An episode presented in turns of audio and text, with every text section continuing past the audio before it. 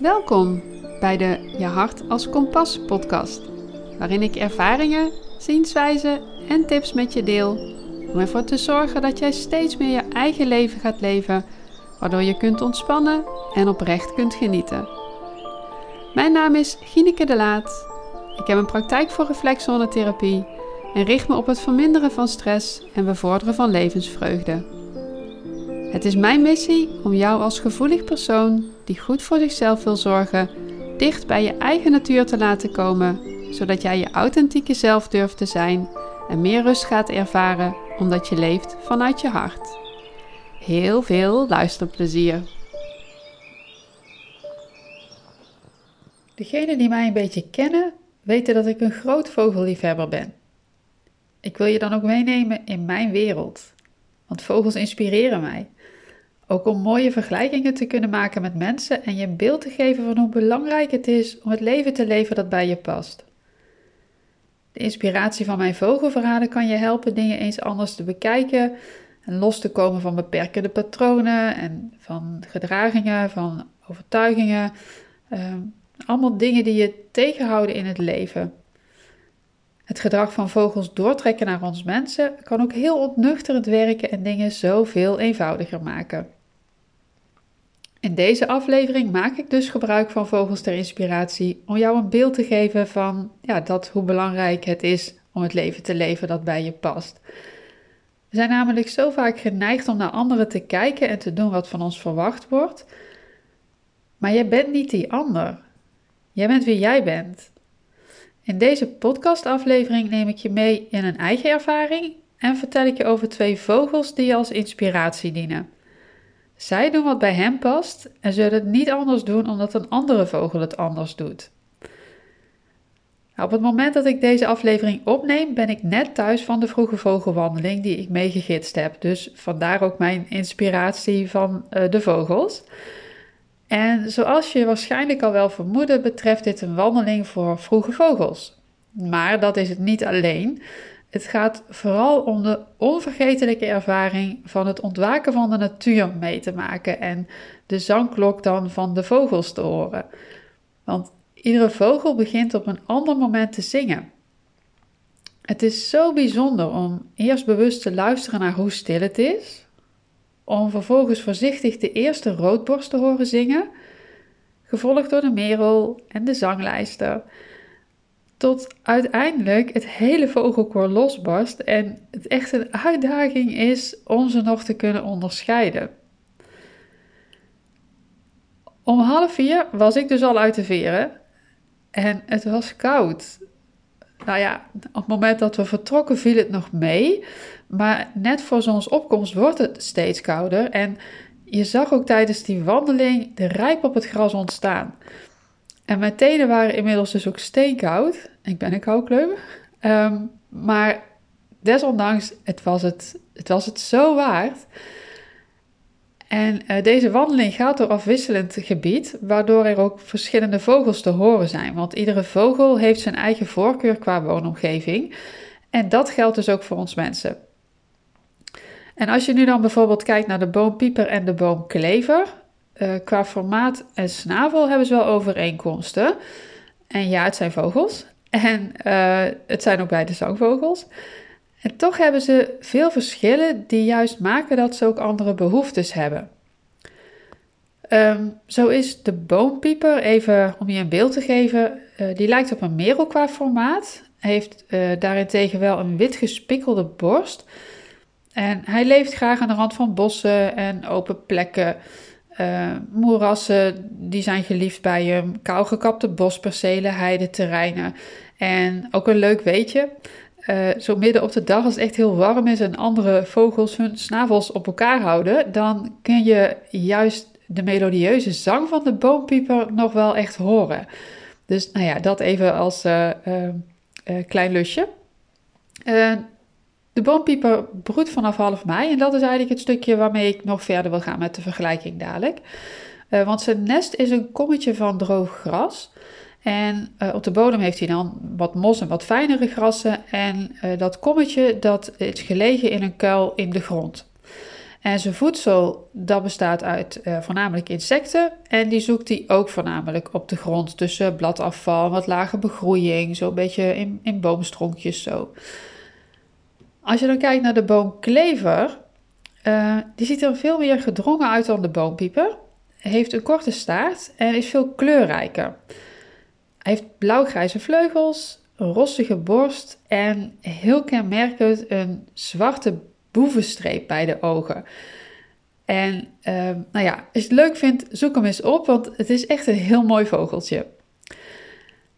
Als je dan kijkt naar de nesten, de boomklever die hakt um, of met, metselt hun nestopening precies op maat. En um, dat doet hij zodat andere soorten er niet in kunnen. Dus hij, hij broedt ook wel vaak in oude spechtennesten. Maar dan gaat hij dus die nestopening ook wel met modder echt helemaal op maat ja, weer een beetje dicht uh, plakken en metselen. Um, en de bodem van zijn nest, die bedekt hij met schilfers van denneschors en met dode blaadjes. Dus hier zie je al duidelijke verschillen. Uh, qua eten, de boompieper, en de boomklever eten allebei insecten. En nou, de overeenkomst is dat ze een wat spitse snavel hebben. Verschil daarentegen is dat bij de boomklever deze snavel uh, wel wat forser en wat steviger is, omdat ze niet alleen die insecten, maar ook zaden en noten eten. En die zaden en noten die zetten ze dan vast tussen de bast en de boom. Uh, of ze houden hem vast met hun poot en met hun krachtige snavel kunnen ze dan die zaden en die pitten kapot pikken. Um, dus nou ja, dat zijn dan een beetje de, uh, ja, de verschillen die je dan kan zien. En dan, dan zie je ook dat zowel de boompieper als de boomklever hun nest maken in een omgeving waar ze dus juist hun nestmateriaal kunnen vinden. En dus als je ziet van uh, uh, de boomklever heeft dus schilfers van dennenschors in zijn nestje zitten. Ja, dus die zit ook wel in de buurt van dennenbomen en zo. Terwijl de boompieper dan juist weer op de grond zit en juist meer met grasjes en mos aan de slag gaat. En dus ze maken hun nest vooral in een omgeving waar ze hun nestmateriaal kunnen vinden. En ze maken het zichzelf ook comfortabel doordat ze ook um, ja, in de directe nabijheid voldoende voeding hebben. En nou ja, voor de boomklever is dat dus een heel ander landschap dan voor de boompieper. En nou ja, al met al, zij zoeken de omgeving die bij hun past. Nou ja, dan even terug naar ons mensen. Uh, als hooggevoelige bijvoorbeeld kan je valkuil zijn weg te gaan bij jezelf. Zelfs al voelt jouw natuurlijke omgeving beter, je kan dan toch geneigd zijn je aan te willen passen, omdat je voelt dat er iets anders van je verwacht wordt. Maar is dat terecht? Want een ander verwacht misschien wel dingen met de beste bedoelingen, maar dan nog is dat altijd vanuit het eigen oogpunt en hoeft dat helemaal niet bij jou te passen. Dus zoals de boompieper de voorkeur geeft aan een nest op de grond en zich geen raad zou weten met een holletje in de boom en met de zaden die je boomklever eet, zo kunnen wij mensen ons ook verloren voelen als we ons aan zouden moeten passen aan iets dat niet bij onze natuur past. En laat ik even een voorbeeld van mijzelf nemen en je dan ook nog iets ter overweging aandragen. Want uh, ja, weer even terug ook naar de vroege vogelwandeling. Wat ik daar zo leuk aan vind, is dat iedereen stil is. Aandachtig luistert, vertraagt. En dat er zelfs tijdens de fietstocht terug amper wordt gesproken. Ook al bestaat de groep uit ruim 25 mensen. Nou, ik geniet daar intens van. Dat ik mensen zie kijken en luisteren, hun zintuigen op scherp, elkaar vragend aankijken wanneer ze iets horen. Het verlangen om te delen en te weten welke vogel het is en tegelijkertijd het moment niet willen verstoren.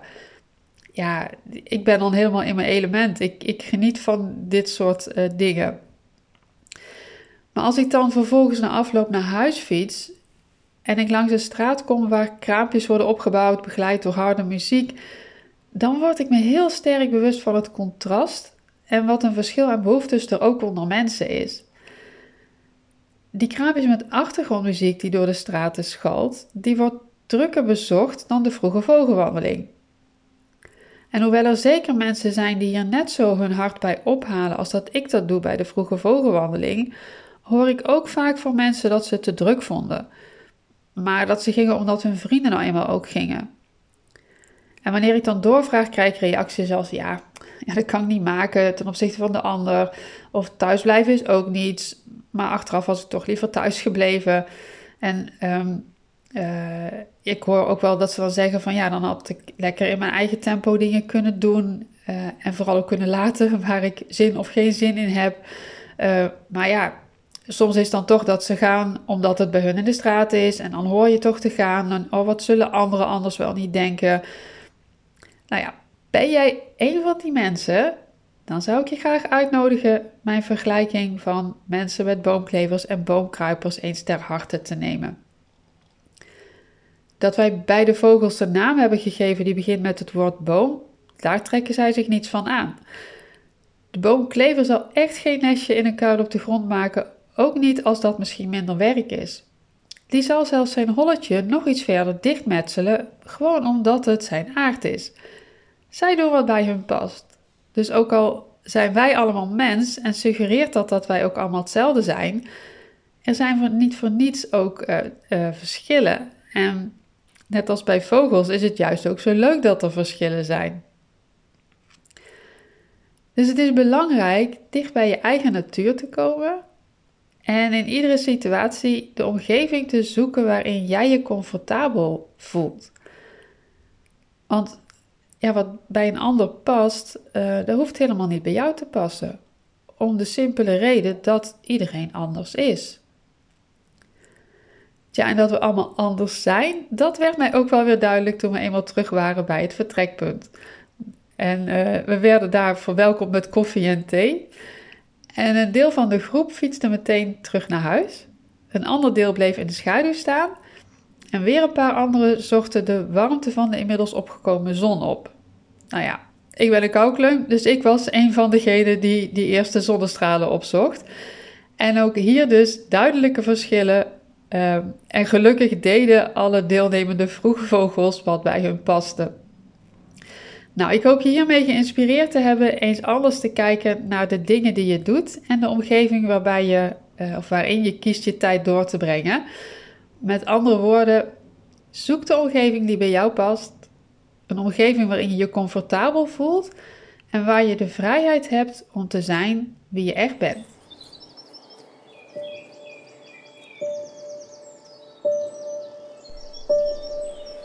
Super bedankt voor het luisteren naar deze aflevering van Je Hart als Kompas podcast. Vond je deze podcast interessant? Laat dan een review achter met bijvoorbeeld 5 sterren en als je wilt ook een geschreven review. Dank je wel daarvoor. Wil je graag op de hoogte blijven van de nieuwste afleveringen? Abonneer je dan op mijn podcast. Ik kijk er nu al naar uit een volgende aflevering voor je op te nemen. Ben je door deze podcast enthousiast geworden? En wil je meteen een stap zetten naar leven vanuit je hart? Dan heb ik iets moois voor je. Een gratis meditatie die jou dicht bij je eigen natuur laat komen, zodat je kunt ontdekken wat bij jou past, waardoor jij meer rust en levensvreugde gaat ervaren. Ga naar regila.nl/slash meditatie en download daar de meditatie helemaal gratis. Heeft deze podcast je geïnspireerd en ken je iemand die ook meer zijn of haar eigen leven wil leven? Dan zou ik het heel erg waarderen als je deze podcast deelt of een aflevering doorstuurt. Zo help je me mee om nog veel meer gevoelige, zelfbewuste luisteraars te bereiken, zodat ook zij hun eigen leven kunnen leven en we met elkaar een zachtere wereld creëren. Voor nu wens ik je een fijne dag en graag tot de volgende keer. Veel liefs!